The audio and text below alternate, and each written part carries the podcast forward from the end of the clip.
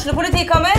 Ine Jansen er purk. Er du purk? The motherfucking bitch. Alt jeg vil, er å finne ut hva som skjedde med mannen min. Jon Carew. Er jeg sikta for noe? Iben Akeli. Det er du. Ole So, Lars Berrum og Big Daddy Karsten. Hvem sin side er du på, egentlig? Anette Hoff, Tone Danielsen, Kommer du fra Afrika?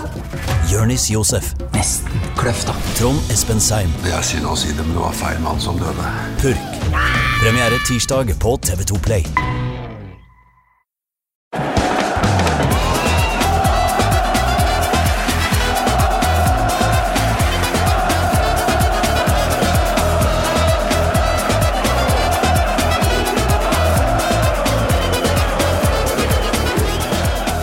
Velkommen til uh, sesongavslutninga av eh, sesong fire av eh, Pyro og Pivo. Jeg heter Morten Galaasen og vet veldig godt at vi vanligvis avslutter sesongene våre med en liten sånn Europacup-kvalik-guide for dere norske supportere som skal ut i Europa. Eh, men dere fins jo ikke denne sommeren, så vi tar en litt, som han sier, i disse koronatider, som folk sier så blir det en litt annerledes europeisk, og kanskje utafor Europas grenser også, reise i sesongavslutninga. For jeg har med meg Tor Christian Karlsen. Velkommen. Tusen, tusen takk. Tenk at vi skulle gå over 150 episoder før du fant veien til eh, Pyro Pivo Studio. Ja, det Hva skal vi si om det, da? Jeg har jo håpet på en eh, invitasjon, da. Men det satt langt inne. Nei, jeg er kanskje ikke har jo vår egen podkast, også kjent fra, om ikke rivaliserende, mer ikke samarbeidende heller, men supplerende. er jo- Supplerende. Vi er jo litt i samme segment, indie-segmentet der. Mm. Shivadse. Uh, er det vel eh, Vi har sikkert noen felles lyttere òg, så Det er jeg helt sikker på at vi har. Og det er jo en av mine norske favorittpodkaster også. takk. Det er gjensidig, gjensidig kjærlighet her i dag. Ja, hør her, da. Dette kan bli hyggelig. Uh, men hva er det riktig å Altså utenom Holdt på å si uh, podkaster i uh, Shivadse, hva er det riktig å titulere deg som for tida? For du har jo vært så mangt i eh, så mange land og så mange klubber. Eh, jeg eh, Altså, første gang jeg møtte deg, så var vel var vel det rett i forkant av at du ble ansatt som sportsdirektør i Israel. Ja. Eh, men tidligere har du jo hatt eh, jobber i fotballen i, i flere land, og seinest i eh, Start en drøm, som, eh, som de bytta navn til, ifølge meg. Eh, hva driver du med nå? Eh, nå eh, går det mest i um, Eller det det er mest kontinuitet i, er vel uh, skriving, da. Mm. Jeg, jeg, jeg har uh, oppdrag for ISPN, så jeg skriver en uh, kommentar der en gang i uka. og er med på litt andre ting òg, sånn bak kulissene her. Og det er egentlig litt i påvente av at fotballen skal begynne å våkne igjen. Mm. Eh, planen min var jo å sette nesa sørover eh, mot eh, Europa, kontinental-Europa, og gjenopplive litt av de kontaktene som jeg har hatt i mange år, og, og, og, og, starte min egen konsulent- eller rådgivning, om du vil. da.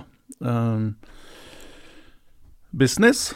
Eh, og det var ideen min å starte med det arbeidet der i, i allerede i januar. Jeg kom meg jo faktisk eh, av gårde et par turer òg, men eh, og så ble det jo ble jeg fort sendt hjem igjen. Erna Solberg som Mhm. meldte 12.3 at nå må du nå må Må du komme hjem, Tor Christian? Ja. For 16. mars, da skulle Gardermoen stenges Mm. Klokka 08.15 eller hva det var. Og, så jeg måtte booke om billetten min. Det kosta meg 5000 kroner ekstra. Deilige 5000 kroner. Ja da. Det, Hvor var du på dette Nei, tidspunktet? jeg var, eh, jeg var i, i nord i England. Mm. Um, så det var jo for så vidt uh, Men det viser jo seg at jeg kunne godt ha blitt en uke eller to til. Uh, flyene gikk jo skytteltrafikk eh, lenge etter det, så det var liksom litt ergerlig det, da. Men det er jo andre som har hatt uh, verre hjemtur enn meg, sikkert. Så, men, uh, men det var planen. Uh, nå er vel den planen der fortsatt. står ved, men akkurat nå så er veldig mye av fokuset i fotball-Europa på å bli ferdig med sesongen. Um, og selv der vi er vant til at det snakkes veldig mye om overganger og spennende ting som transfer som store navn som bytter klubber, så selv det er liksom ikke så mye fokus på akkurat nå. Klubbene, det Mm. handler om å bli ferdig med sesongen og, Og se hvor sår. man er, nesten. Ja, og se hvor, hvor mye kosta det her. og, da, og da kan det jo være at eh, jeg får bruk for noen av mine kunnskaper i, i å være med å estimere sånne, sånne regnestykker, f.eks. Mm. Det er jo noe av det jeg gjør.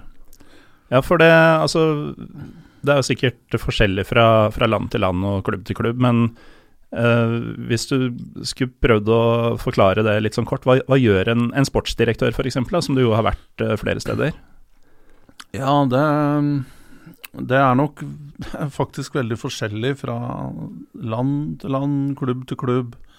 Um, i, i, men sånn generelt så skal det jo være en som er på en måte en link mellom styret, eieren eh, og det, hele det sportslige apparatet. Mm. Så du, du skal egentlig ha, ha liksom det overordna sportslige ansvaret, men jeg tror det er veldig få som får til det. Fordi per i dag, så, eller slik som det har blitt, så tar det opplegget rundt A-laget så mye energi og krefter, og akademi og medisinsk og, og performance og sånne ting lever litt sitt eget liv. da. Mm. Uh, mens for, det, det har blitt en litt sånn derre transfer-stilling, da. Med, som det så fint heter i Norge, fæle ordet spillelogistikk. Ja, Som man uh, det høres jo ut som menneskehandel, og på en måte er det jo det òg. Menneskelogistikk. ja, ja det, det høres jo ikke pent ut i det hele tatt. Uh, men uh, det har blitt en stilling som egentlig dreier seg mest, mest om det, da. Mm. Og så blir man målt og, og vurdert på, på, på spillere som kommer inn og Mm. går ut litt Litt, litt urettferdig, vil jeg si, for det er jo mange om dette her. Eh, og i store klubber så blir det mer en Eller profilerte klubber, om du vil. Altså blir det mer en sånn diplomatstilling. Som liksom Mm. en som også må kastes under bussen hvis hvis, hvis den populære trener eh, ikke, ikke lykkes, eller at eh, eh, Eller at eh, man begynner å For å forhindre at man begynner å peke på eieren eller eh, presidenten, så hiver man sportsdirektøren under bussen. Så det er litt sånn Du er en buffer, og, og prøv, du skal prøve å få få alt dette her til å Du skal prøve å gjøre alle fornøyde. Mm.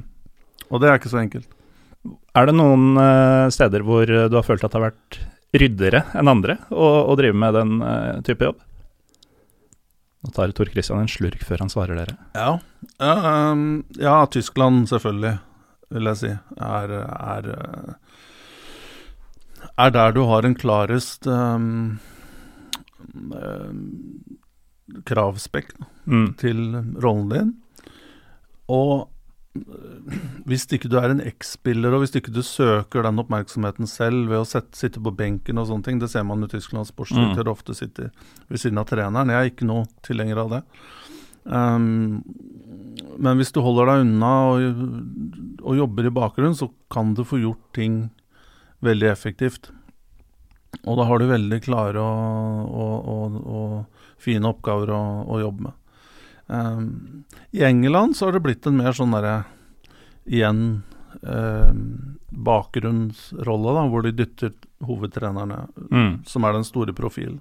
Og det tror jeg faktisk er ganske bra, for da, da får den som i utgangspunktet skal være ansvarlig for langsiktige tenkningen og, og langsiktige strukturene, da, får den arbeidsro. Um, så det er jo for så vidt smart, men i, i England så har man jo heller ikke kommet så langt at man kaller det sportsdirektør, det er mer teknisk, Mm. teknisk direktør, head of recruitment, eh, masse rare ting man, man gjør for å unngå liksom å bruke her director of football og dytte det fram, så. Så det er vel en eh, Men eh, ja, svaret på spørsmålet ditt er Tyskland, helt klart. Og hvor er det ikke fullt så ryddig å, å prøve å styre det sportslige i en fotballklubb? Eh, jeg vil faktisk si at uh, det er uh, vanskelig her i Norge. Mm. Uh, litt på grunn av at det er så At det er veldig mye forvirring rundt den rollen. Hvem som skal gjøre hva? Det er hvem som har ansvaret for hva. Mm. Og det har blitt veldig sånn Takket være medier som egentlig ikke gjør så mye for å prøve å gjøre som deg, Morten, og få klarhet i det, men det er liksom sånn at ja, sportsdirektør, han er ansvarlig for å for å eh, eh, hente spillere og gjøre gode kjøp og salg, liksom. Og så, det, så, stopper det der. Og så er man ikke interessert i å sette seg inn i alle de andre tingene som man kanskje bidrar til. Mm. Og den jobben man har inn mot styret, og, og den, den, politikken rundt det. Eh, og så her i Norge tror jeg veldig sånn eh, ja, Mye forvirring rundt hva er en hva, hva, hva, hva er en sportsdirektør, hva, liksom, hva går det ut på? Uh, og så skyter man nå, nå, sitter ikke jeg fordi at jeg har blitt behandla på en dårlig måte i det hele tatt, og den kritikken jeg har fått, den har vært helt grei. Uh, absolutt, men uh, Men jeg syns her er det liksom Jeg var jo i Israel et år, og der var det jo også litt sånn Litt den samme oppfatningen som her i Norge, da. At, mm. at en sportsdirektør er liksom bare eh, Hvor overraskende er det å kunne sette likheter mellom måten dette skjer på i Norge og Israel? Egentlig, hvis, jeg tenker, deg, hvis jeg tenker meg godt om, så er det kanskje ikke så overraskende at begge er Har jo gått litt den samme veien mot profesjonell fotball. Så det er ganske nye nytt fenomen. da, Både i, i Norge og Israel på 80-tallet så hadde vi klubbfotball som var helt bånn. Eh, og var whipping boys ute i Europa. Eh, både landslag og, og klubbelag. Og mm. så vokste det veldig på 90-tallet. Og så hadde du Champions League-eventyr på 2000-tallet. Men strukturen da i begge land, den vokste ikke med, med suksessen. da. Nei, det var fortsatt uh, Altså, klubben ble drifta og styrt på den gode, gamle måten? Ja. Uh, og um, Så sånn sett så er det ikke så, så rart, egentlig, at, um, at vi er litt på samme, sta, samme sted mm. uh, når det gjelder roller og strukturer og, og de tingene som mange syns er veldig kjedelige. Men likhetene stopper kanskje der, eller når vi snakker om Norge og Israel? Altså, jeg lovte jo innledningsvis at vi skulle reise litt rundt, og jeg har, jeg har vært i noen land eh, selv, men øh, du er også en veldig bereist øh, mann, Tor Christian. Både på fritid og business. Hvordan var det å bo i Israel? Ja, det var veldig fint. Um, jeg bodde jo i Haifa, nord i Israel time og kvarter, er det vel, fra Tel Aviv. Mm. Hvis time 20-30, litt avhengig av trafikken. Uh, veldig fint. Uh, det er som en middelhavsby, da. Det er jo en middelhavsby, men altså nesten som en gresk uh, atmosfære. Eh, og veldig åpen by.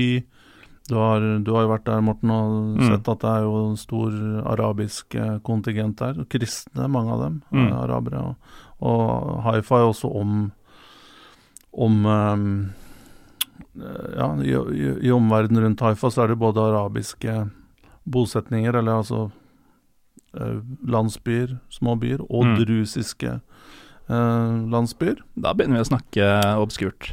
Ja, uh, og, og, og, dette kommer jo også til uttrykk i, i komposisjonen av stallen til Makabi Haifa, akademiene. Det var jo liksom blanding av både jøder, arabere og drusere.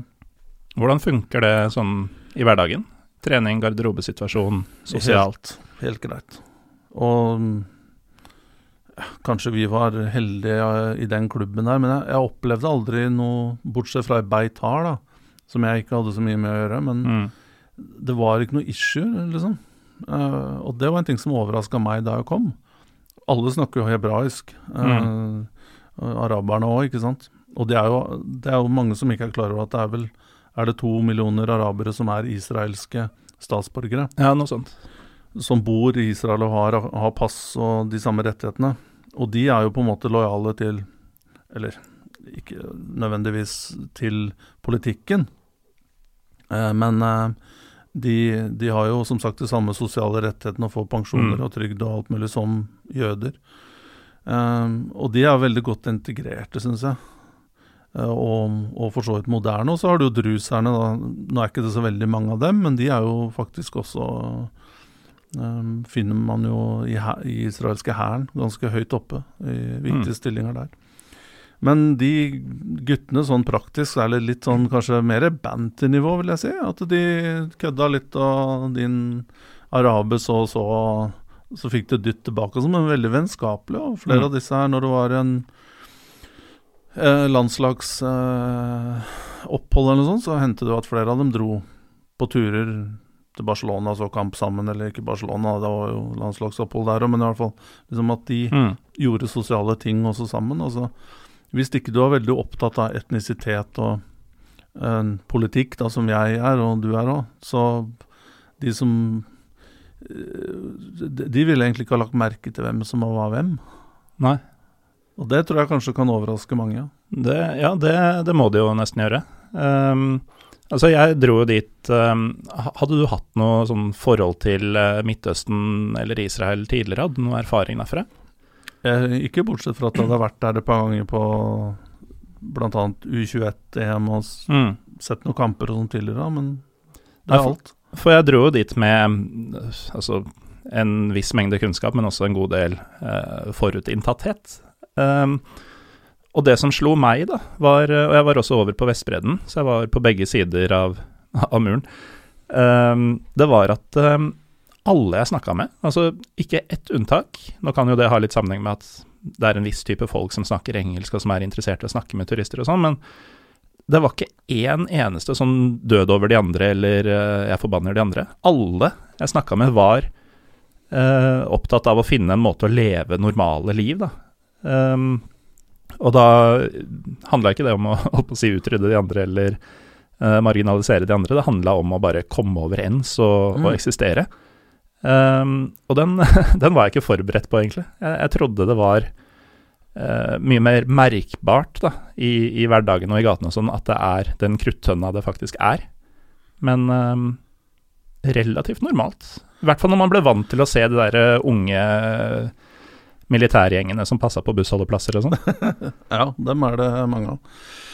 Men eh, nei, det, det, var som du sier, ja, samme oppfatningen. Og så er det disse ekstremistene på begge sider som mm. roper høyest, og de mest ekstreme jødene som, som Og disse settlerne på mm. Vestbredden og sånn, som er ganske spesielle. Pluss Beitar, da, som har hatt dette prinsippet at de ikke skal ha arabiske spillere.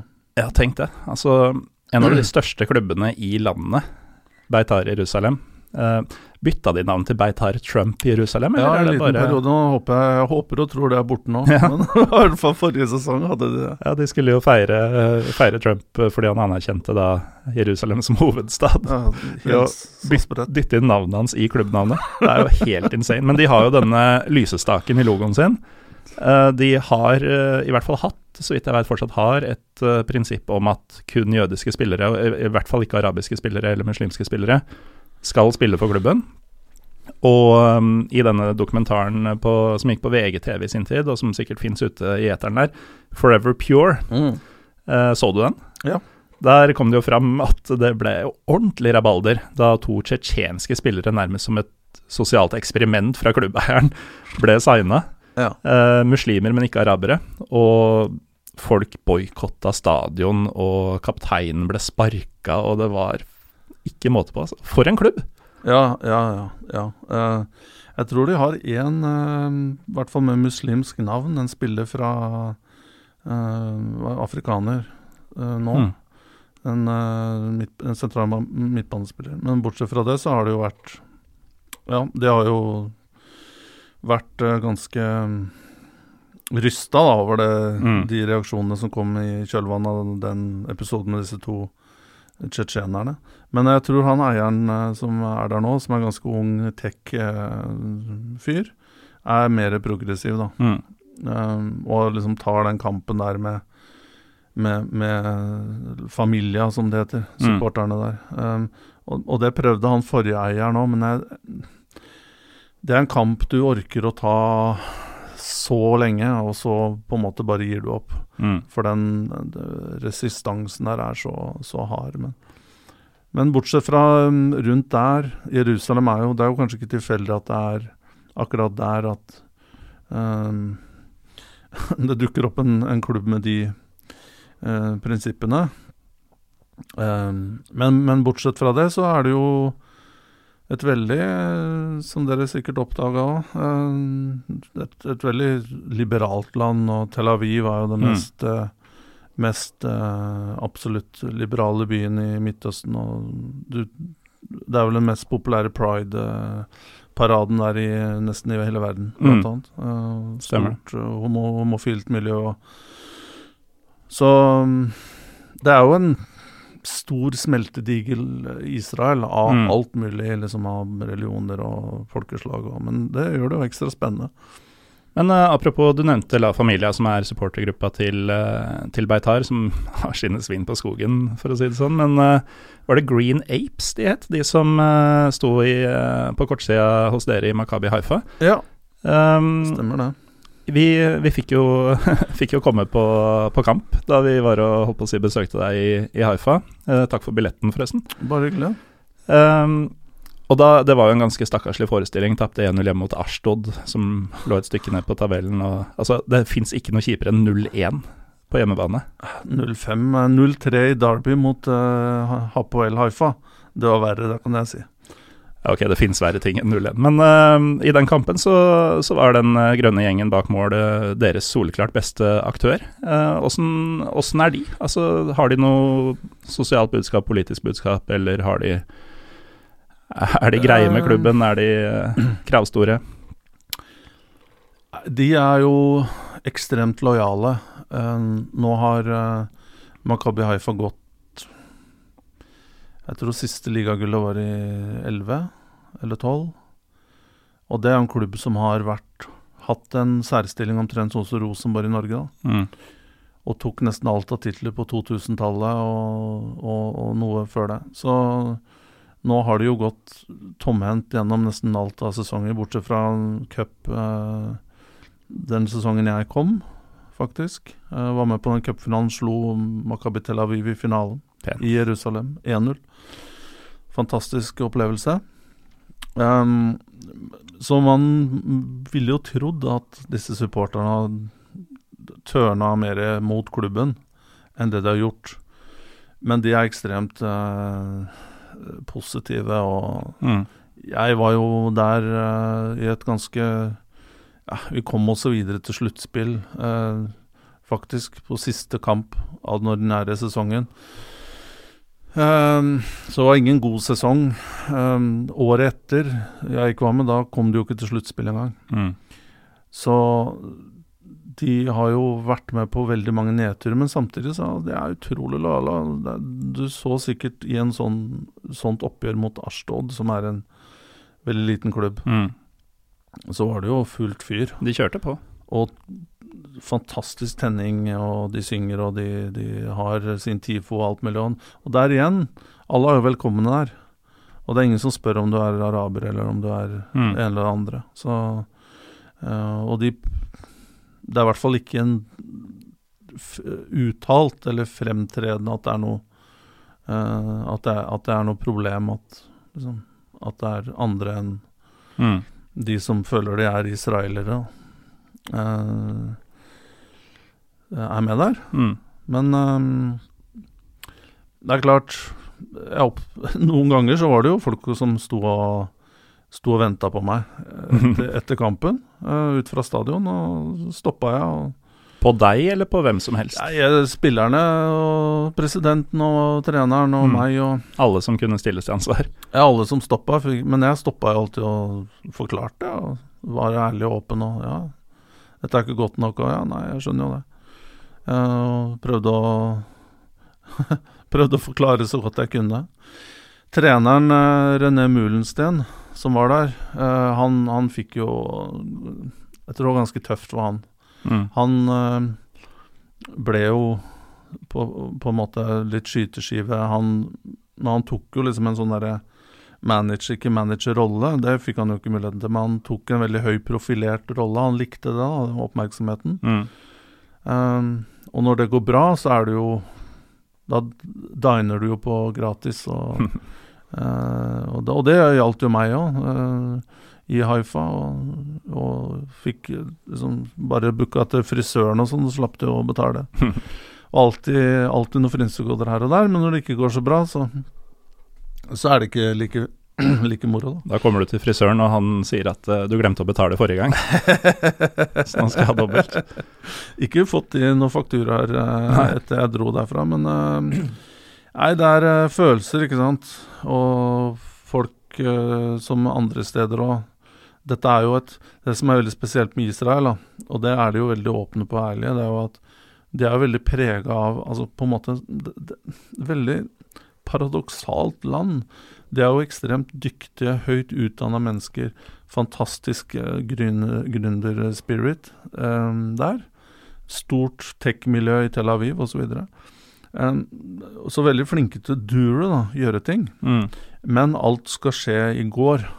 Ja. Og en grunn til det er jo at, og det er mange også sagt, at generasjonen som Min generasjon, de som er yngre og de som er litt eldre, og, og enda verre med de som er andre, tredje altså som er i 80-åra. Det kan jo til og med være holocaust um, survivors som jeg mm. møtte der og, og, og snakka med, og, og noen, fikk høre noen helt utrolige historier. Så alle er jo prega at det er ikke sikkert morgendagen kommer, da. Sånn Nei. som vi er vant til her mm. i Norge og, de fleste andre steder i Europa. I Israel. Man vokste opp med, med luftvernsirener, bomberom, terroraksjoner her og der. Og det er liksom ikke dermed sagt at, at det er noe om et år eller to eller tre. Mm. Og derfor så blir man veldig sånn derre ekstrem på at alt skal skje nå. Ja. Så folk er ikke så veldig tålmodige, da. Og det gjenspeiler jo alt. Ja, det, det må det gjøre. Altså, da du var Du kom jo oppom leiligheten vi hadde leid med eh, både billetter og, og skjerf på kampdagen, og kunne jo fortelle oss noen eh, noen fakta om byen og området vi bodde i. Eh, og en av dem var jo, og det nevnte vi også i Israel-episoden eh, for over tre år siden, at eh, det lå et Var det cyanidlager i Haifa, eller eh, i utkanten av Haifa, som var innafor rekkevidde for Hizbollahs raketter, sånn i teorien. Ja. Uh, apropos det at det kanskje ikke kommer noen morgendag. Ja. plutselig så, så, lekker den, liksom. Uten at uh, ja du ja. kan gjøre noe som helst. Ja, det akkurat den situasjonen rundt den cyanidtankene, da. Det var jo høyt på agendaen akkurat den perioden der. Mm. Og nå tror jeg de har fått løst det på en eller annen måte. Men, um, men ja, dette er jo nord. Haifa er jo nord i Israel. Det er vel én time kjøring opp til, um, opp til grensa til Libanon. Uh, og, og halvannen til Syria, grensa. Jeg var jo kjørte opp i Golanhøyden og og, og, og kikka der et par ganger. Mm. Eh, nå, nå, nå, er jo teknologisk er jo Israel så langt framme altså militært at de detter bare ned som kongler.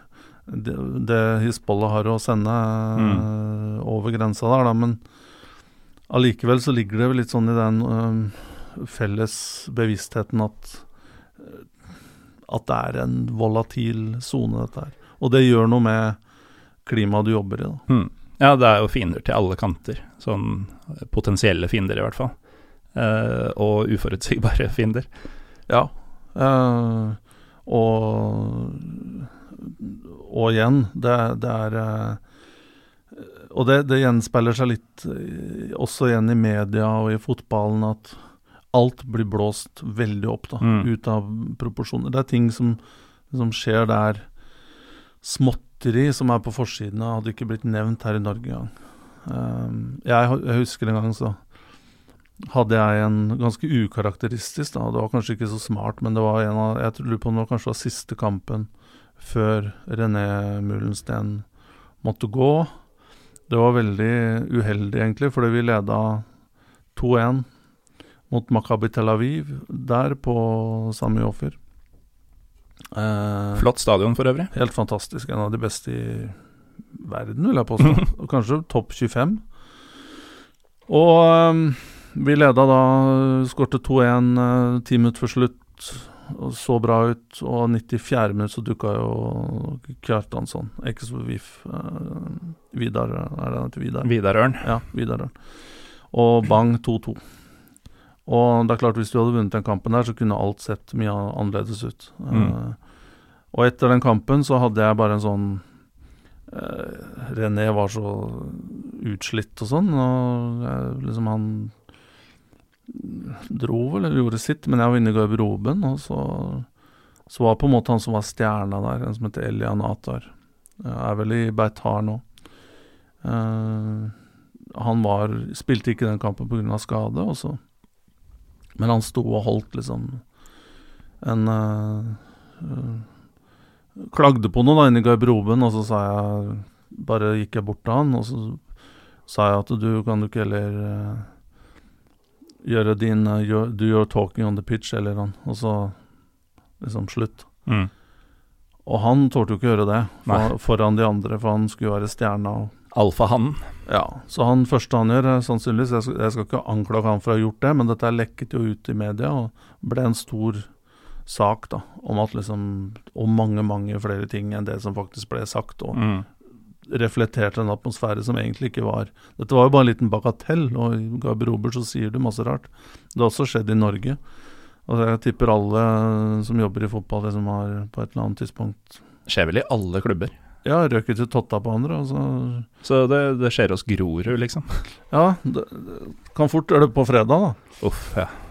Men, eh, ja, men i hvert fall, da. Sånne småting som i, i Norge man ikke hadde brydd seg om, det er liksom førstesidestoff der. Og, og fotballen er også veldig politisk, da. Uh, så det er klart det er Men ekstremt lærerik opplevelse for meg å være et år der. Når du sier at uh, fotballen er veldig politisk der, altså vi har vært innom Beitar, som jo er uh, veldig spesielle, men uh, hvis jeg skjønte det riktig, Hapoel, som veldig mange klubber heter, som lytterne helt sikkert har sett på diverse tabeller og sånn, det er vel en slags sånn arbeiderbevegelse, Mm. apropos politikk. Makabi er det også flere klubber som heter, er det noe sånn type brorskap eller, eller forening eller noe sånt? Nei. Um, jeg ble forklart hva Makabi var, men det er ingen som klarte å egentlig redegjøre så veldig godt for det, Nei. så her må man nesten google. Men det var, det, var et eller annet med en eller annen kriger, israelsk symbol på et eller annet. eh, og det er vel bare fire-fem, tre-fire Makabier. Eh, men, det er, men det er ingen forbindelse mellom dem. Nei, ok. Uh, og det finner man vel også i andre byer rundt om i verden, hvor det er jødiske Mm. idrettsklubber. Da. Makabi er jo også, jeg vet ikke om du er enig, men det finnes jo to holdt på å si ledende industripils eh, i Israel, hvor den ene er Gold Star, eh, og den andre er Makabi. Ja. Gold Star er jo den største, holdt jeg på å si, men jeg syns Makabi var mye bedre. ja, nå er vi over på Pivo. Nå er vi på Pivo. Ja, Goldstar var bedre? Nei, jeg syns Makabi var bedre, faktisk. Ja, ok. Ja, Um, jeg husker faktisk ikke så mye av, av Nei, de, de, lesken ikke, der, ja, men de er ikke veldig, eh, veldig minneverdige, lys, noen av dem. Lys pils. Ja. Eh, få varme land. Ganske, ganske dølle begge to, egentlig. Men det, men det var én Jeg husker det var én decent IPA, eller Pale Ale, som var fra Bersheva, faktisk. Midt ute Fra i Beer Sheva. ja, der øh, var du kjapp. Bersheva der ute i Negev-ørkenen. Den er å anbefale for de som jeg husker ikke hva den het, men det, Hvis man søker opp noe IPA eller Pale Ale fra Bersheva, så er det nok ikke så mange av dem. Nei. Men uh, før vi går uh, videre til et annet land, uh, Tor Christian, hva, hva likte du best med å være i Israel? Mm. Jeg vil si um, menneskene. Veldig um, Altså, israelere har jo ikke filter. Og de er jo ikke veldig sånn de, de går ikke rundt grøten, da. Nei, det er ganske direkte. Ja, så husker da jeg kom til eh, Ikke at jeg er noe Don, Don Juan eller, eh, eller Jude Law-type, altså. Eh, men jeg husker første gangen jeg kom på kontoret til Makabi Haifa, så var damen der først de spurte om er du gift. så, og i andre land så tar det der kanskje litt sånn omveier, og, og tre-fire måneder senere så finner man ut om liksom, den statusen, men der var det det første de spurte om.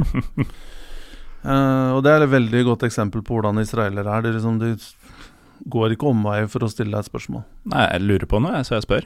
Ja, rett og sånn. slett. Mm. Men uh, det er noe herlig uh, unormalt ved det, da.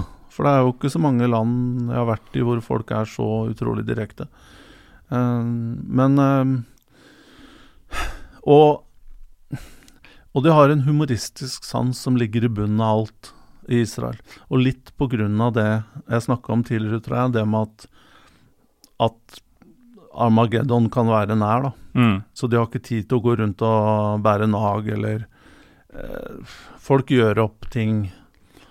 Og det, det, viser seg også liksom at folk faller in og out med hverandre hele tiden. da. Mm. De er venner en dag, og så er de uvenner, og så tenker man oi, nå har de en beef her, dette her, hvordan går det? Og så er de to dager etterpå så er de kompiser igjen. Mm. Men sjenerøse, uh, hyggelige mennesker, uh, det savner jeg. Jeg har fortsatt mange venner der som jeg har kontakt med. da. Um, og jeg savner også fotballen, den derre passion da, mm. for fotball, som uh, man også har her lenger nord i Norge, da, men der tar de den jo til det ekstreme. da. Um, og fint land å bo i, som sagt. Sånn, så kanskje dere òg, overraskende for min del da jeg kom, høy levestandard. Mm. Uh, ja, virkelig. Altså, I hvert fall de, de kystbyene som Tel Aviv, Haifa, er jo åpenbart uh, steder med penger. Ja. Og ja. Men eh, verdt, å, verdt, å, ta seg en tur hvis man har lyst til å Hvis man er interessert i historie. Mm. En litt annen opplevelse. For å dra på bare strand og eh, liksom den Syden anførselstegn-ferien, så vil jeg mm. ikke anbefale, for det er ganske dyrt. Nå er det jo veldig dyrt. Sjek ja. Sjekkelen har blitt veldig sterk. Um, ja, det var, det var, veldig dyrt for oss også for uh, drøye tre år siden. Ja, og da tror jeg du kan legge opp på 30 Uff. Ja, da, Det er ikke dette tida å dra til Israel på. Så Nei. takk covid-19 for at det ikke er aktuelt uh, akkurat nå. Men, men som sagt, hvis du er interessert i religion og historie og og en annerledes opplevelse, men samtidig ikke mm. måtte reise til eh, liksom tolv timer med fly, så er det fint sted. Og alle snakker jo engelsk da i tillegg. Jeg er helt enig, og den derre at man absolutt skal boikotte den ene eller andre sida, som folk er veldig glad i å, å, si, det må man bare droppe. Altså, du, du veit ikke en dritt egentlig før du har vært og, og kjent litt på det selv. Uh, og Jerusalem er jo det er litt sånn uh, Når jeg ser uh, reportasjer i nyhetene og sånn, og bilder fra Jerusalem og sånn, så er det litt sånn at jeg ikke helt skjønner at jeg har vært der. Mm. For det er, altså det er så viktig for så mange milliarder mennesker. og de stedene vi var og tok noen selfies og, og sånn, liksom, det er så um, Kommer jeg ikke på det norske ordet for signifikant, men jeg håper folk klarer å oversette det for det. For altså både folk i dag, folk i framtida og folk tusener av år tilbake i tid. Og der myldra man rundt og liksom spiste noe grillmat og, og, tok noen bilder og tok noen pils og noe vannpipe og sånn. Eh, helt surrealistisk fortsatt, altså, flere år etterpå. Ja, eh, og jeg, jeg, er jo overhodet ikke religiøst menneske. Uh, Nei, ikke jeg heller. Men jeg må innrømme at det var veldig annerledes, den mm. turen jeg fikk rundt i Jerusalem.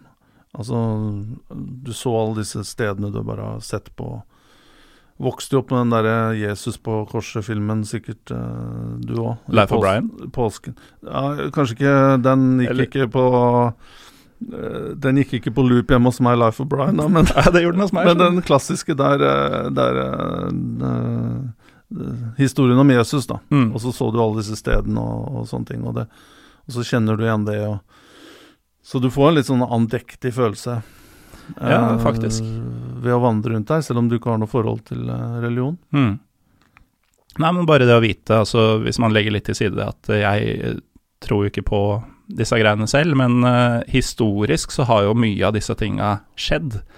Uh, og når mm. man da vandrer gjennom Golgata, f.eks. i gamlebyen der, fra, ja, fra den derre klippedomen til der Jesus angivelig skal ha vært korsfesta, um, selv om det på en måte ikke personlig har noe å si for meg, så kjenner man jo at dette her er Her er det sus. Ja, det er kulturarv, da. Mm. Som vi kobler oss på et, eh, et eller annet sånn underbevisst nivå, tror jeg. Mm.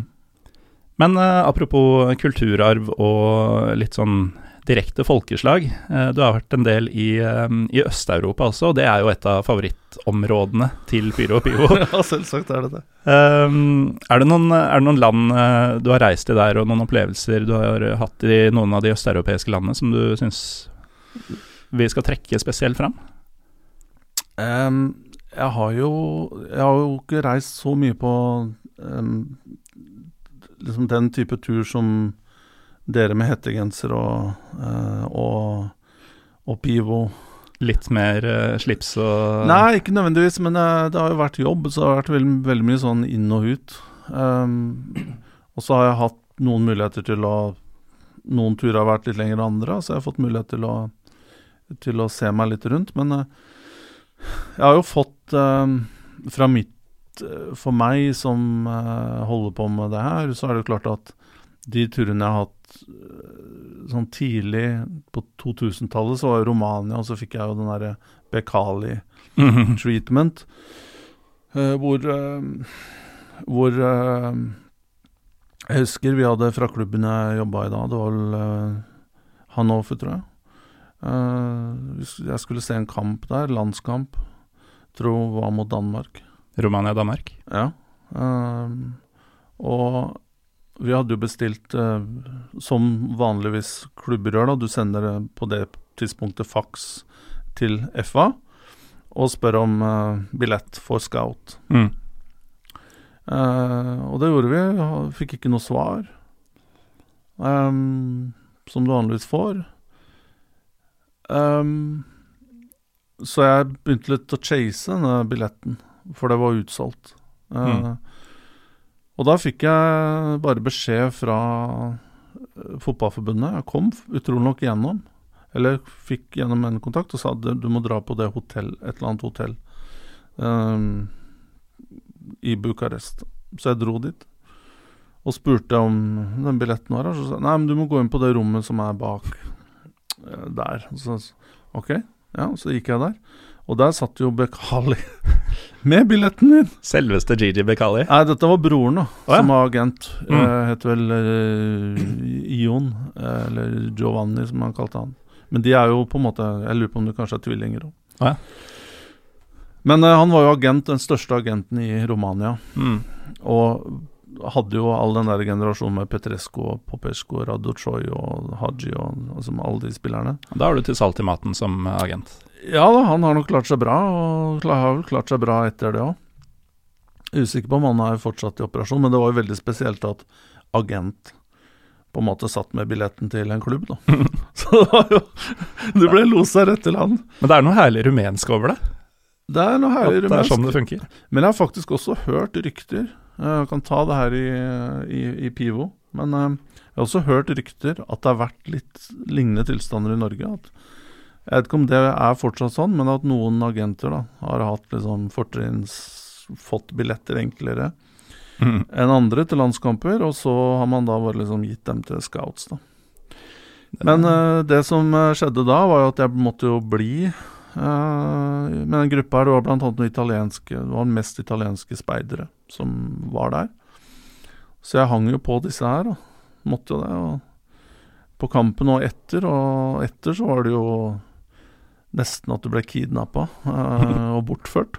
For da var det jo en tur til um, et eller annet sånn mansion på utkanten av, av Bucarest, og, og mat og, og underholdning. Hva slags, hva slags underholdning snakker vi om? Det, det var vel uh, optional uh, underholdning, men uh, det var god mat, det var eh, absolutt noe i glasset, og det var eh, mer underholdning for de som ønska det. Men eh, her må dere lytterne tro meg at jeg, jeg sammen med et par italienere, så, så kom vi oss unna i en taxi og, og dro tilbake til hotellet. Før, eh, før underholdninga fant sted. Ja, vi, vi, vi kom oss eh, unna. Men eh, det er på en måte liksom et bilde av hvordan ting løses i, i, i noen av østeuropeiske landene. Uh, Ellers så har jeg også truffet på litt i samme Ikke i samme gata, det er litt unfair da å si, men jeg, jeg, jeg ble invitert på middag med Mamic. Stravko, Stravko? Stravko og broren eh, Soran. Satan. Dro du på den, eller? Ja da, og det var etter landskamp mot Island. 2005-2006, rundt der, tipper jeg. Mm. Uh, men det var Vi må bare Hvem er Stravko Mamic, for de som ikke vet det? Eh, Hvor, hvor begynner man? Ja, hvor begynner man? Han er vel eh, eh, president, eier eh, Har vært Altså Dynamo Zagreb, da. Mm. Eh, agent eh, Litt samme status, kan man si, da. Eh, mens jeg har vel en Jeg har inntrykk av at Mamic er mer seriøs da enn en Bekali. Men litt i samme gata. Ja, det Litt samme posisjon da Ja. som Bekali har i Romania, Mamic i, hmm. i Og hvis du skal få gjort noe i fotballen, så må du liksom Han, han, han, han er involvert i veldig mye av det. Mm. De det, det er nesten en underdrivelse. Ja, Um, han uh, vi, vi har jo en, um, jeg tror det er fra høsten 2018, en Kroatia-episode med bl.a. Runar Norvik, hvor vi eh, omtaler Stravko Mamic eh, litt mer detaljert. Men um, du skulle altså Ja. på middag med han og broren? Ja, um, men, men det var um, Det var egentlig en bare en kartleggende middag og snakke om litt sånn mulige spillere og kanskje samarbeide og sånne ting. Og det var superprofesjonelt, det må jeg bare si. Og, og de behandla meg som en gentleman. Um, men det som var bare morsomt, da, det var jo at han hadde veldig moro av å servere meg noe som han ikke for, ville fortelle hva var, da. Men folk som har reist på Balkan, og spesielt eks-Jugoslavia, vil jo vite at Forstå, og jeg skjønte jo også av hvordan det så ut. Og jeg har jo spist mye tyrkiske restauranter, eh, så jeg skjønte at dette var testikkel. så han fikk meg til å, til å prøve det, da, og, og lo godt eh, av at jeg, at jeg tok imot den eh, gaven der. Um, jeg, jeg har spist, spist testikler på, på noen av turene mine, jeg også. Jeg syns egentlig det var ganske godt, jeg. ja vel? Ja. Jeg koste meg ordentlig med å spise baller. Seinest i, i uh, Amman i fjor høst. Ja. Jeg, Ingen blodfan? Jeg er ikke noe fan av på en måte innvoller kjertler, hva skal vi kalle det. Altså sånne ting. Mm. Nå spiser jo ikke jeg kjøtt lenger uansett, da. Men jeg ville nok ikke, hvis jeg skulle starte å spise kjøtt, så ville jeg nok heller gått for en uh, Du hadde ikke begynt med testiklene? altså. Nei. Det er ikke det som drar deg tilbake Nei. til karnivårenes eh, verden? Nei, jeg tror vel heller ikke på den teorien om at det eventuelt skulle ha noe effekt på Holdt på å si mine egne hormoner. Sånt er jo bare tull. Sånt er bare balle. Bollocks. Ja, det er bollocks. Men uh, ja, nei, uh, så Jeg har kanskje ikke så mange juicy historier å fortelle fra, fra Men altså- Som egner seg på Pivo, uh, Pyro og Pivo, men, uh, Men du har jo altså da blitt lurt i uh, baller av Stravko Mamic. ja, det er, Det er jo greit juicy, det, altså. Når man oppsummerer det i, i en setning. Ja. Men uh, veldig fin eh, Jeg har reist mye i Serbia, eh, Montenegro.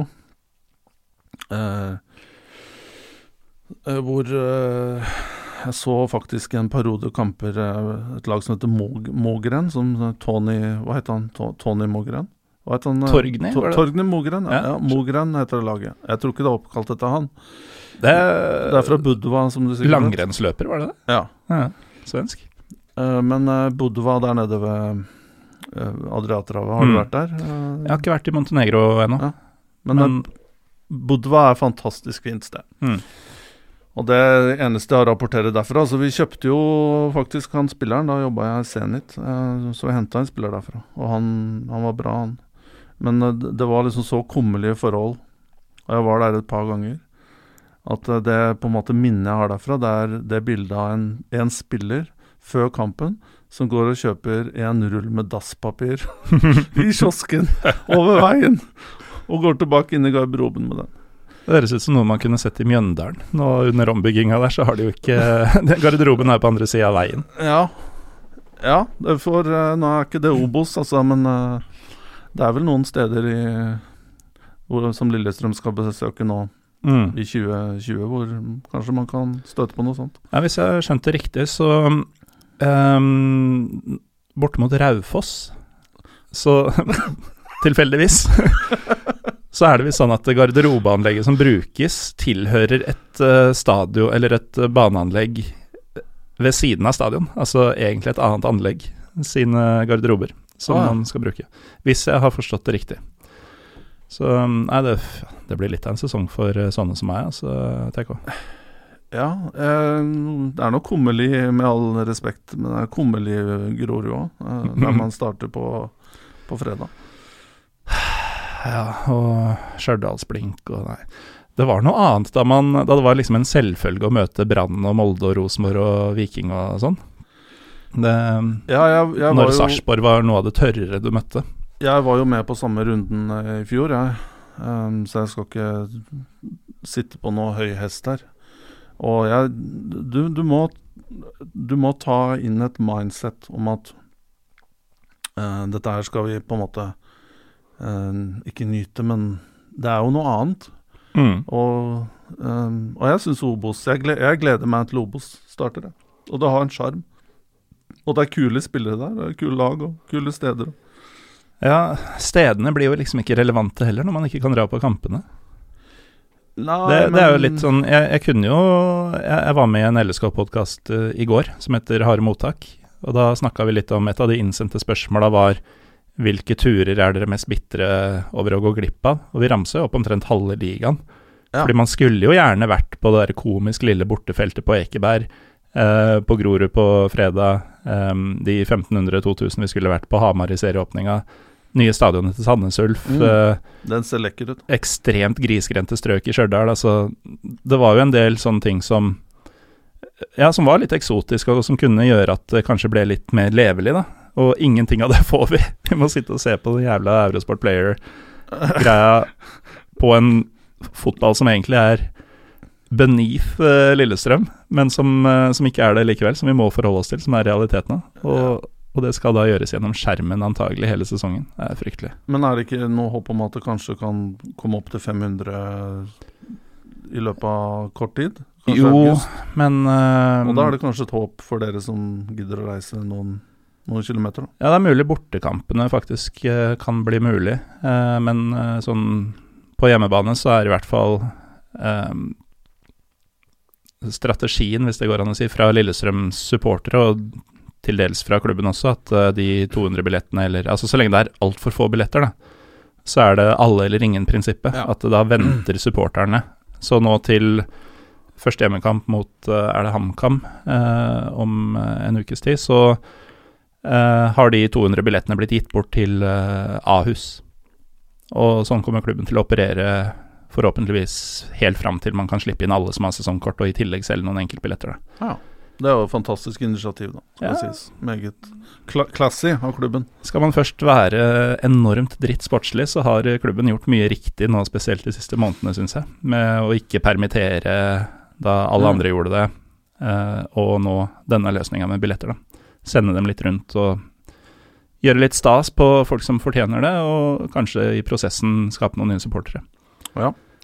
Ja, nei, absolutt. eh, stor respekt for, eh, for det som man har gjort. Og jeg syns også Syns de har klart å beholde et anstendig lag. Jeg gikk jo sheriff til Molde her i uka her, men uh, allikevel. Det Men eh, det viktigste i Aldri undervurdere et lag i, i også. Og som sagt, vi Mm.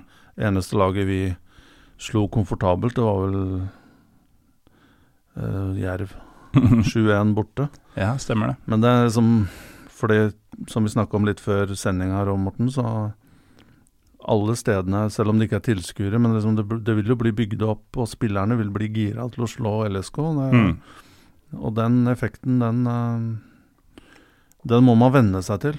Ja. Og det tar noen Kommer i og- og hver jeg- eneste kamp, da. ja, og jeg, og jeg tror uansett hvor Uansett hvor mye Geir Bakke og Petter Myhre jobber med å liksom, Vi skal ikke undervurdere, vi skal ikke undervurdere, vi skal Mm. ikke undervurdere. Men mentalt så gjør du det uansett.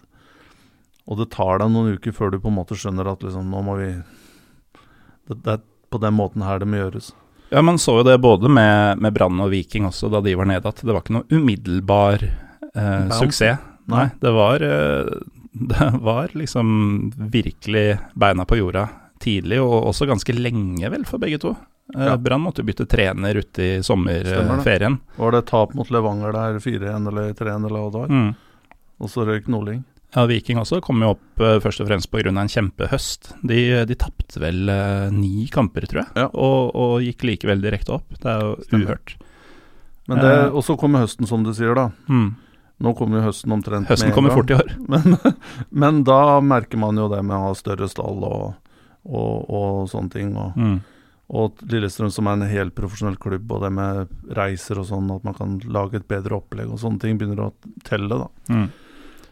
Jeg håper du har eh, rett, uh, Tor Christian. Det, det blir fryktelig altså, når dette begynner igjen. For det, det, det er jo ingen i Lillestrøm som veit helt hva man går til. Man kan gjøre all researchen man vil, men dette har man all, altså ingen i klubben har vært med på det før. Nei. Men, Men, men, eh, men, det, men dere er jo sånn, hvis man går tilbake til den uh, sjela til LSK, da. Det der med å vinne dueller og, Mm. og at ballen skal framover i banen og, og gå på dødballer og sånne ting. Det er i hvert fall ting man får bruk for i, i, Mm. i Obos. Ja, men det er litt sånn det, det er ikke nødvendigvis en del av dagens LSK i noe større grad enn andre klubber, det, altså. Det er mer noe som man snakker om. Eh, Som ligger mer i Ja, og sånn sett Ja. så kan salget av Sheriff Sinjan, håper jeg da, eh, være en eh, Det kommer jo veldig an på hva man får inn, men jeg håper jo man henter inn en god gammel kjøttstopper til å spille ved siden av Salquist, fordi Sinjan og Salquist var veldig like. Altså det var, Ingen av dem var den kjippe typen som tar for seg, da. Nei. Begge skulle ha ballen og spille og gjøre ting litt elegant. Og, og de fant jo ikke ut av hverandre i verken høstsesongen eller uh, de siste 15 minuttene på dommedag eller uh, nå i previewen, eller uh, preseason. Så um, b- Plystre på kippet, da. Få overtale han, og det er jo større overraskelser som har skjedd i verden. Mm. Jo, men jeg, jeg mener jo i fullt alvor at han uansett burde løst lisens, sånn at eh, dersom det blir opprykk, så kan han komme inn og ha det som ettermælet sitt, i stedet for at dommedag skal være det siste som skjedde med han Mm. som spiller. Men uh, vi, vi må ut igjen, uh, Tor Christian, for Så nå blir Azar Karadas kanskje ja. Han, uh, han- gjorde jo Han ble jo faktisk gjort litt stas på etter eh, om det var LSK Brann i 2018. For da kom han innpå, og det var en god gammel sånn bryteduell mellom han og Kippe. Begge to er eh, 50 år gamle og oppførte seg som om det var 1998 eller 2003, ikke sant. Og da var det sånn at eh, om det var Scandic hotell i Lillestrøm, som Brann bodde på ehm, De oppgraderte rommet til Karadas til Frode Kippe-suiten. Eh, og det var da LSK sitt verk, da. At uh, Azar, han er uh, ekte vare. Han skal vi, Wow. han skal vi hause opp litt etter den eh, duellen. Den eksisterer ikke fortsatt. Uh, Kippe-suiten? Ja, Jo, jo. Det er fineste rommet på, På Scandic der. i Lillestrøm. Mm. Ja, ok. Um, Kanskje du logger deg inn Er du gift? Du er ikke det? Ja, jeg er veldig langt fra gift. Ja, Nei, men kanskje du kan booke deg inn der på bryllupsnatta, da. Ja, det, det hadde vært noe. Invitere Frode også. Eh, Men eh, vi, har litt, eh, vi har litt tid igjen i studio her, TK. Vi har vært mye innom Israel. Vi har vært litt innom noe av ditt arbeid opp gjennom åra i forskjellige land, og så har vi nå vært i Montenegro spesielt. Du har også vært i, litt rundt omkring i Sør-Amerika, du.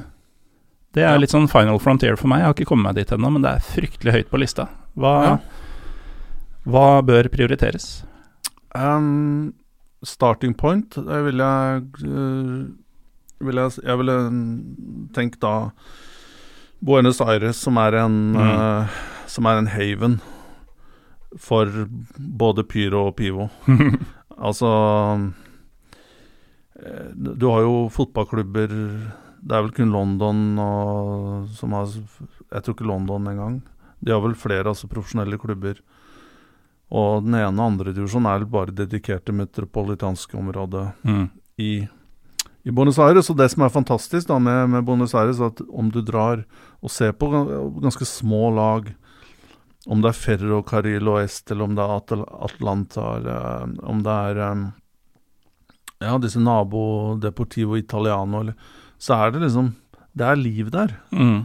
Eh, selv om du går ned i Primera Nå husker jeg ikke helt hvordan det Om det fortsatt er Primera B og C. Uh, og En litt ned i divisjonene, altså. Ja, uh, så, så er det liksom fortsatt 1500-2000, kanskje flere tilskuere, med supportere som som gjør sin greie. Mm.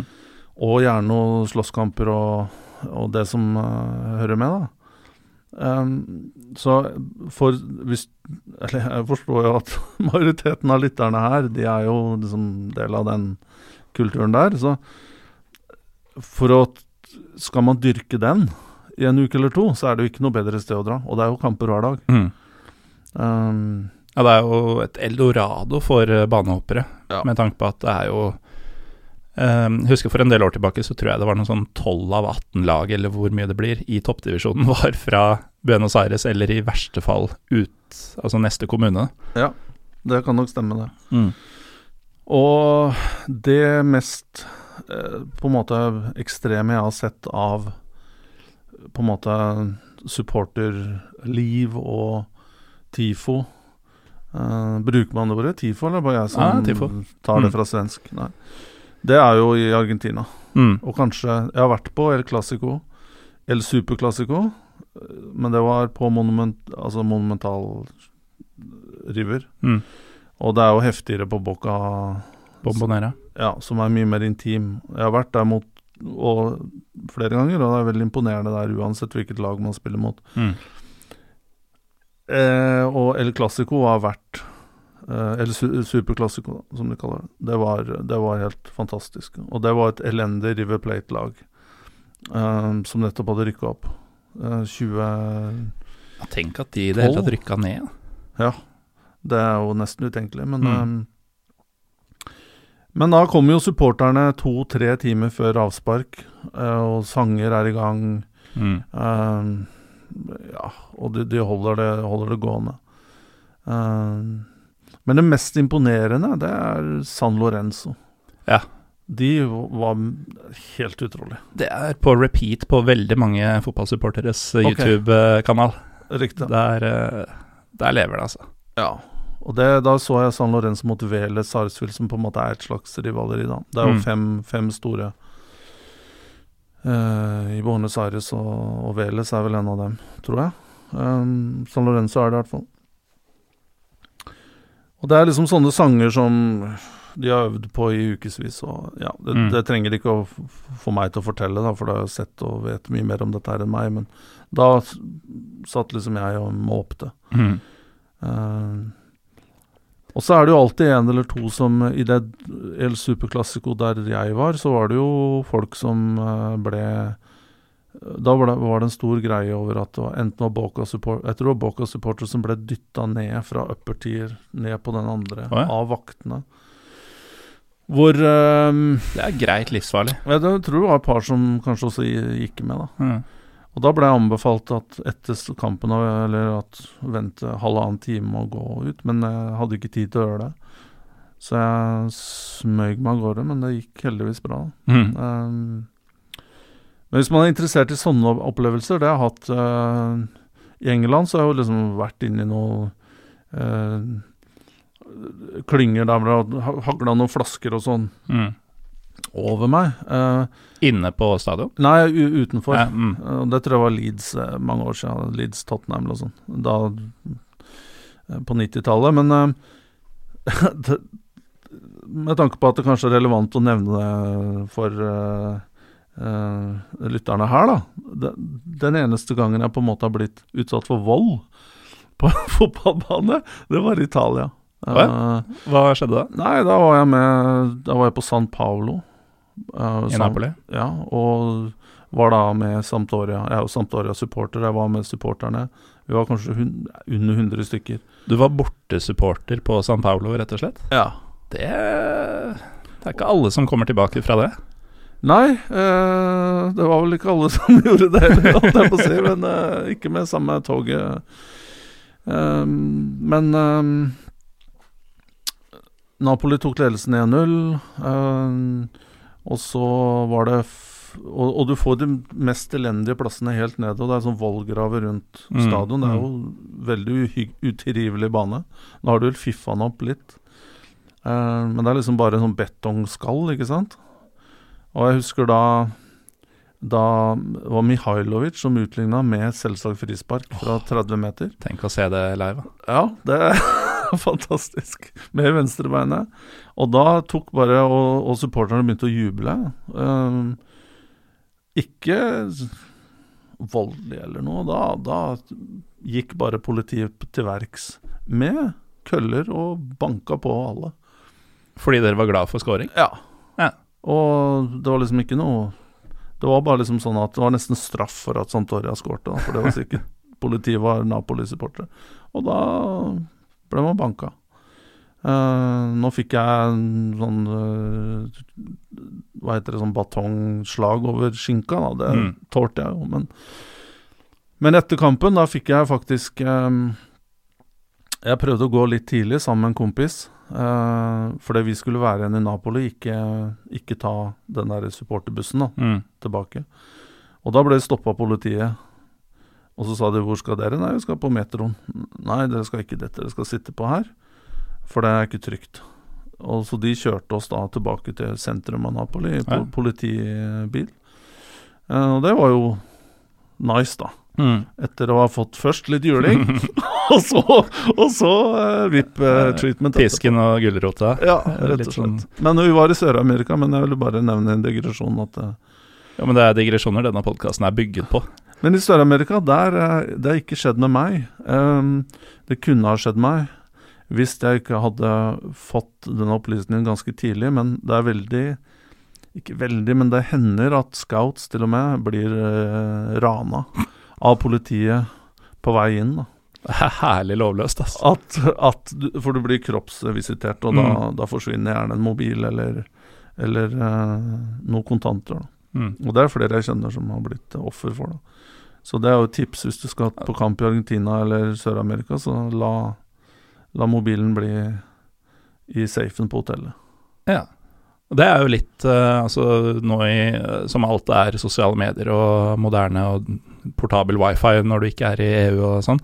eh, ganske sånn kontraintuitivt. Fordi når du først skal på en match i Buenos Aires, da, som du sikkert har drømt om hele livet, så skal du jo selvfølgelig snappe det eller instagramme det eller noe sånt, men det er altså Det kan bli kostbart å, å tenke i de baner.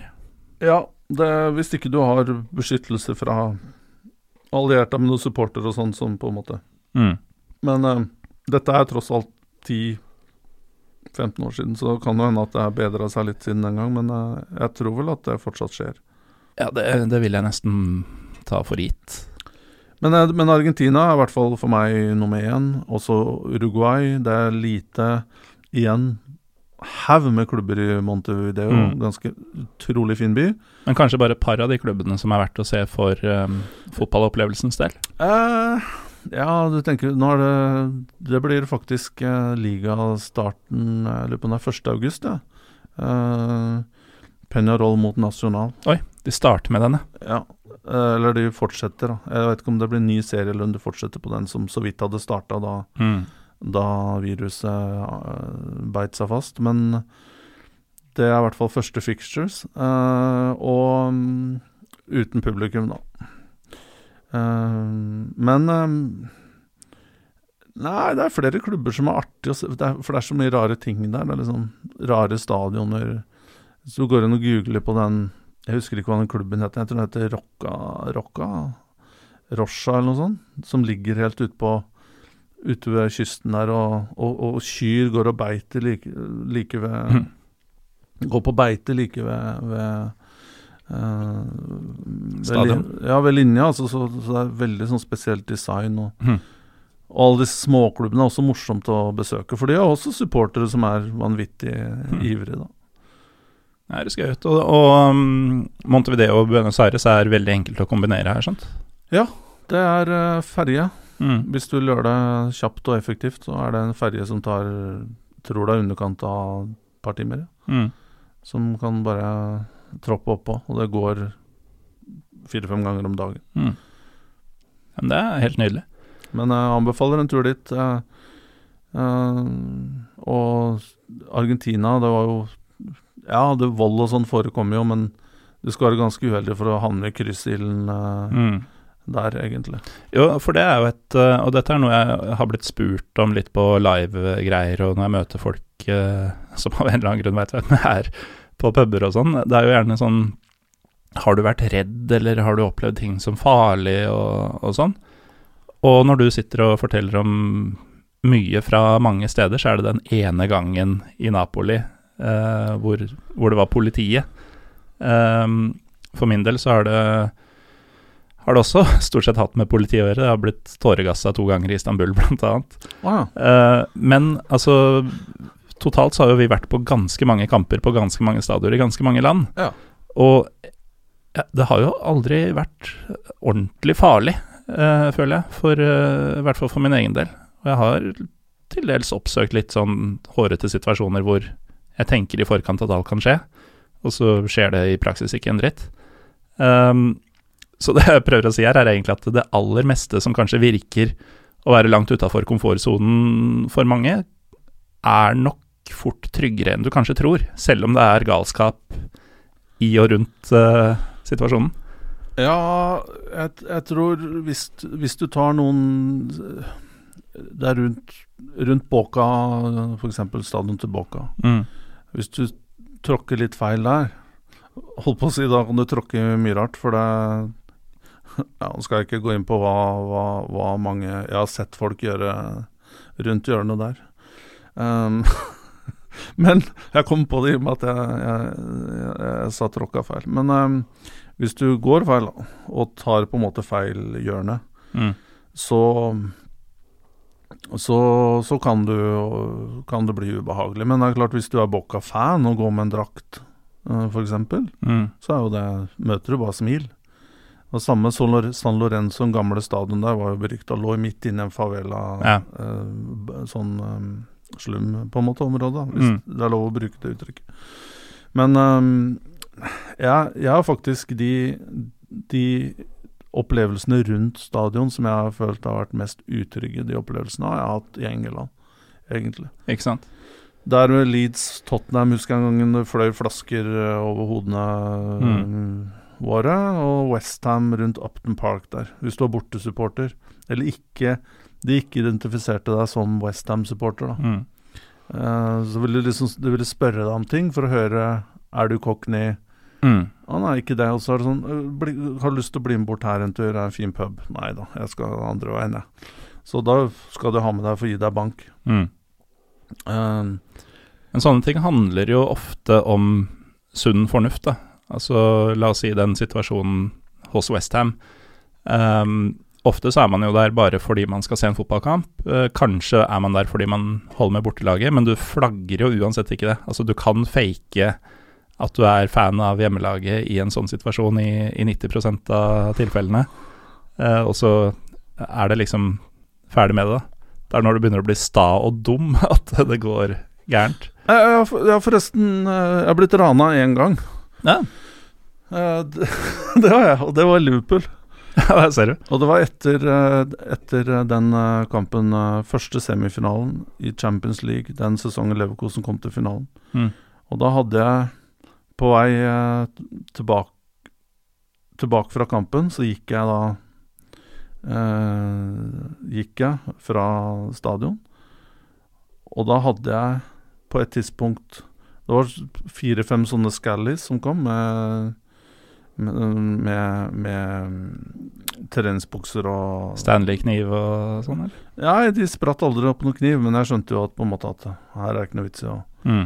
prøve å, å tulle det til. Eh, jeg gikk jo dress og slips, da, så de tenkte vel at jeg hadde noe verdifullt. Mm. Og dette her var jo tidlig på 2000-tallet, så jeg hadde jo bare sånn her For jeg hadde faktisk interesse av å ta bilder fra den kampen her. Eh, Så jeg hadde en sånn derre Kodak eh, engangskamera. Ja. Og så det tok de ut, og så ga jeg tilbake til meg, for det var jo ikke interessant. Nei. Og så hadde jeg en mobiltelefon nå som heller ikke var god nok for dem, da. Men på et tidspunkt så hadde jeg da seks hender i, i lommer. Mm. Uh, på et Bare tidspunkt. utrenskning, liksom, av eh, det du hadde på deg. Ja. Men uh, Og det meste kom i retur. ja, det gjorde det, rett og slett. Uh, så Men ja, det er vel eneste gangen, faktisk. Men jeg er enig med deg, det handler jo om, om å være, gjøre litt forberedelse og Mm. lese seg litt opp. Kanskje alliere seg med noen lokale, sånn som dere ofte gjør når dere er på tur. Ja, prøver i hvert fall. Det, mm, det er jo ikke alltid det er like lett i forkant, men eh, eh, hvis noen f.eks. har tenkt seg til Bucuresti, så er uh, Emanuel Roshu klar for å ta imot hvem det måtte være. Ja. Um, og, min store drøm, da, Morten, det er jo det er, det er en kamp jeg ikke har vært på. Det er jo din klubb, Fenerbahçe mot Galatasaray. ja, du skulle vel egentlig på den eh, Vi har snakka om det tidligere, at du i hvert fall tenkte deg på en. Ja, det var i fjor høst. Mm. Men uh, jeg kom ikke, kom ikke så langt. Men du, har du vært på det Derby? Eller? Jeg har vært på det to ganger. Ja. Det var en av de gangene jeg ble tåregassa, Riktig. blant annet. Um, det, det er, Lever det opp til Ja, det, det gjør det. Nå har det jo vært litt sånn i, i Tyrkia i flere år pga. det Passo League-systemet, eh, som har vært nevnt i Pyro Pivo tidligere, men som er Altså, du må registrere deg i et sånt uh, system da, med veldig mye personinformasjon og sånn, for å kunne kjøpe billetter til kamper. Så det var en periode hvor tilskuertallene og stemninga lå litt sånn brakk. Men uh, folk har jo blitt lei av å boikotte og sånn, for det, de hadde jo håpa på at dette skulle ta slutt, men det gjør det ikke, så da har de bare gitt etter og meldt seg inn i dette likevel. Så nå er Ikke nå, selvfølgelig, pga. korona, men ehm, stadionene er fulle igjen, og supporterne er eh, aktive igjen, og, og sånn. Um, og da Da er det trøkk på, på de kampene, altså. Hvor var den siste, den som gikk nå i vinter, før det stengte ned? Den så jeg litt på. Det var masse røde kort og Mm. gule kort. Og det, det, det var helt Det var, det var vel første gangen Galatasaray vant hos Fenerbahçe på 20 års tid. Riktig.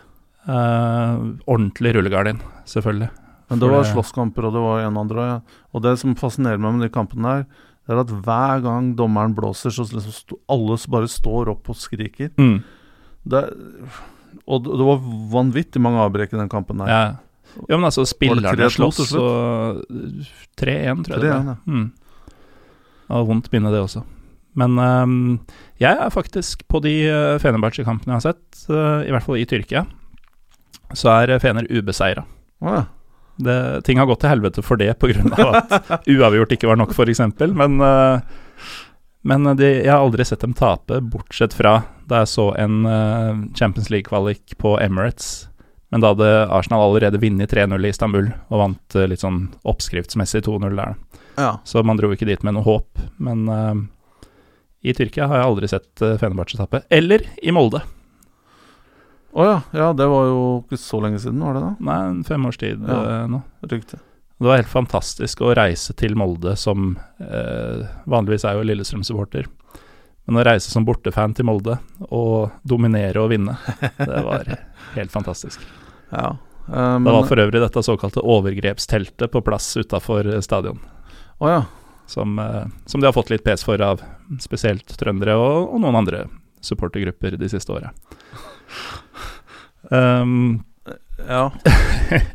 For det Besjiktas er ikke samme hat eh, på en måte overfor Gala eller Fener som De, jo, altså et hvilket som helst oppgjør mellom de tre er av det større du får, får til. Uh, Besjiktas er noe mindre enn de to andre, men egentlig ikke merkbart. Så om det er Galatasaray Besjiktas eller Besjiktas Fenerbahçe eller Fenerbahçe Galatasaray, det har egentlig ikke så mye å si. Eh, publisiteten som Fenebache Galatasaray uh, har fått, er jo større. Um, og så er det jo også de to lagene som har flest titler. Men Besjiktas er bare en sånn tre mesterskap bak, eller noe sånt. Ja. Eller fem. Altså Det er, det er de tre som gjelder. Og, og Besjiktas har Altså Hvis man tenker bare selve supportergruppa, og ikke hele koket på stadion og sånn, så er det nok de faktisk hakket hvassere enn både Galatasaray sine og Fenerbahçe okay. sine. Mm. Men uh, noe mindre stadion, og, og de er på en måte ikke hovedfienden til noen, men de er rett, rett bak. Å ja. ja. Nei, jeg, må, jeg må få med meg det en gang. Mm. Det står høyt oppe på to do-list, altså. Ja, og siden det er tre store klubber, så vil jo Hvis du skal på, skal på derby, så er det jo 50-50 sjanse for at det tredje laget også har hjemmekamp denne helga. Ja, At du kan få med deg det også. Og så har du et par klubber til der som Mm. gjør det brukbart i Istanbul nå. Eh, topplaget er vel også fra Istanbul, er ikke det? Jo da. eh, Hvordan uttaler du det? Bashak-Shehir. Ja. Det er Erdogan-gutta, det. Som. Altså Skulle bare mangle at de ikke vinner serien. da. Ja, altså det, de har jo ligget, eh, ligget der i flere år nå, men så har de alltid kollapsa på oppløpet. Men nå eh, ser det ut som Altså, den eneste som kan hindre Bashak-Shehir-gull nå, er Alexander Sjøloth Ja. Det er en ganske sprø situasjon. Altså, det er helt klart omtrent, selv om Galatasaray teoretisk kan ta dem igjen, så er det egentlig klart at uh, ingen av de tre store vinner. Og, og det skjer aldri. Det skjedde sist i 2010, da Bursaspor vant ligaen. Ja, og tidligere så har Trabzonspor vunnet noen titler på 80-tallet. Var ikke det helt vill eh, altså at Bursaspor vant der i 2010? Det var første gang jeg ble torgassa. Var du der da? Da var jeg der. Jøss. Det var da spikeren feilaktig For da Ja, fortell. Uh, Nei, altså Fenerbahçe klarte ikke å vinne siste kampen, og det sto 1-1. Og så da trengte de hjelp fra faktisk Besjiktas, som spilte mot Borsaspor. Og spikeren sa da at det hadde blitt 2-2, etter at Borsa hadde leda 2-0, og da ville Fener bli mester. Ja. Så um, folk Altså, kampen er over på 1-1, det holdt. Uh, folk stormer banen og feirer, og alle klemmer hverandre og sånn. Og dette var jo litt sånn eh, Spesielt i Tyrkia så var det ikke nødvendigvis sånn at alle har smarttelefon og kan følge ting på nett og sånn, så det var jo gjerne sånn å ringe hjem for å gratulere faren sin og sånn, og da Det var jo sånn vi fikk vite at uh, det hadde ikke blitt 2-2 likevel, det hadde blitt 2-1 til Bursa, og de var mester. Uh, og så vi fant jo ut av det før 50 000 andre, på en måte, fordi han ene vi var med, hadde ringt mora si. Og så, etter litt tid, så kom jo da den beskjeden over anlegget. Beklager, jeg eh, tok feil. Vi er ikke mester likevel. Da gikk det for seg, altså. Da satte de fyr på eget stadion og kjeppjagde spillerne inn i garderoben, og ja, eh, politiet begynte med batonger på stadion og tåregasskanoner i gatene. Ja. Det jeg husker det var superdramatisk, den, eh, Mm. den kampen der. Og han, eh, han spikeren, husker faktisk navnet hans fortsatt. Det har brent seg fast. Hakan Bingøl. Han fikk, fikk sparken samme dagen. Og ryktene sier at daværende klubbpresident Asis Gilderum hadde slått den ned inne i kontoret, altså banka han opp, liksom. Og han var i det hele tatt eh, Altså, jeg, jeg tror han rett og slett flytta fra Istanbul omtrent den kvelden, for han, kunne jo ikke bevege seg der.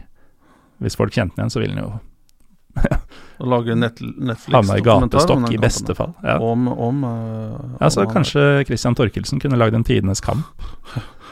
Håper ikke han røyk med i den der uh, sommeren for uh, Fire år siden. Ja, at Nei, det- stakkars uh, Hakan Bingøl gikk med der. Nei, Så vidt jeg vet, så har ingen hørt fra han siden, men uh, får satse på at han er i live og, og trygg et eller annet sted. Men uh, vi begynner å um, gå tom for tid, vi, Tor Christian. Tusen takk for at du eh, ble med. Ja, tusen takk for at jeg fikk komme. og Moro, moro å sitte og prate om noe annet enn superseriøse ting som vi gjør i Chivadze. Altså. Ja, altså, jeg prøvde jo å ta en, uh, ta en litt sånn Frode Lie-aktig variant her. Uh, fordi jeg har vanligvis en laptop med en kjøreplan og noen stikkord og sånn, men uh, som du ser, her er det ingenting i dag. Her har vi lent oss tilbake og sett hvor samtalen tok oss. Ja, den tok oss fra Hvor starta vi? Israel til Vi starta vel på dine kontorer, og så har vi vært litt sånn verden rundt siden. Ja. Og endte der vi, som det seg bør, i Istanbul. Mm. Men jeg får ønske god, eh, god sommer til lytterne, siden dette er eh, sesongavslutning. Og, Det må vi og gjøre. håpe på mye, mye pivo, ikke så mye pyro. Ja, ja det mm, Pyro nå for tida er vel egentlig skogbrann. Ja, det er det jeg tenkte på, med engangsgriller og sånne ting. Så Nei, prøv å, prøv å kontrollere pyroen deres uh, framover. Og så eh, Apropos, altså det er jo ikke veldig mange steder man kan dra nå. Hva er dine sommerferieplaner? Um, Nei, det er ikke så veldig mm, interessant, altså. Det, jeg tror det blir Oslo og omegn. Mm. Så jeg har ikke noe Jeg har ikke noe stort behov for å dra til Danmark eller Finland, liksom. Og Island har jo vært nok, og, Mm. Og Færøyene kunne jeg godt tenkt meg å dra, men å sitte på trange fly og sånn, det får bli en annen episode, men der har jeg en del horror- trange Trange ja. Så jeg kan dele, men Nei, det blir vel Oslo på meg, tipper jeg. Mm. Nei, det blir eh, hovedsakelig det her også, altså. Men i hvert fall tusen takk, eh, Teko, for at du eh, var med. Det var på høy tid. Takk selv. Og lykke til med Shivatse og dine future endeavors. Takk. Eh, til dere som hører på, takk til dere også for at dere er en del av dette røret som, uh, som jeg driver med uke ut og inn. Um, jeg har lagt merke til at um, altså for, for, en tid tilbake så var det veldig mye sånn innboksmeldinger på sosiale medier og kommentarer på iTunes og sånn, um, hvor folk uh, ja, delte sin kjærlighet til Pyro og Pivo, gjerne kom med uh, spørsmål om uh, hvordan man kommer seg til et sted, og hvordan man får billetter et sted og sånn. Det har visna litt. Så hvis det er noen der ute som planlegger sin neste reise, som forhåpentligvis skjer før heller enn etter, så vit at jeg er her for dere, selv om det er sommerferie. Og med det så er det på høy tid at jeg takker for meg også. Jeg heter Morten Galaasen. Vi er Pyro Pivopod på Twitter og Instagram. Takk for nå og god sommer. Vi høres igjen i august en gang.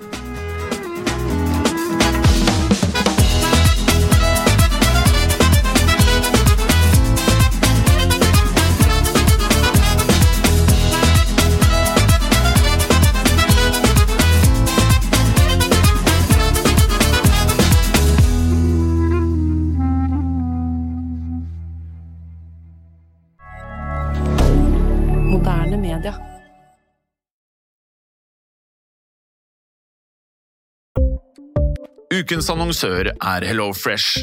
HelloFresh er verdens ledende matkasseleverandør og kan være redningen i en travel hverdag. Mange av oss har nok vandret i butikken både sultne og uten en plan for middagen, som ender med at vi går for de samme kjedelige rettene gang på gang.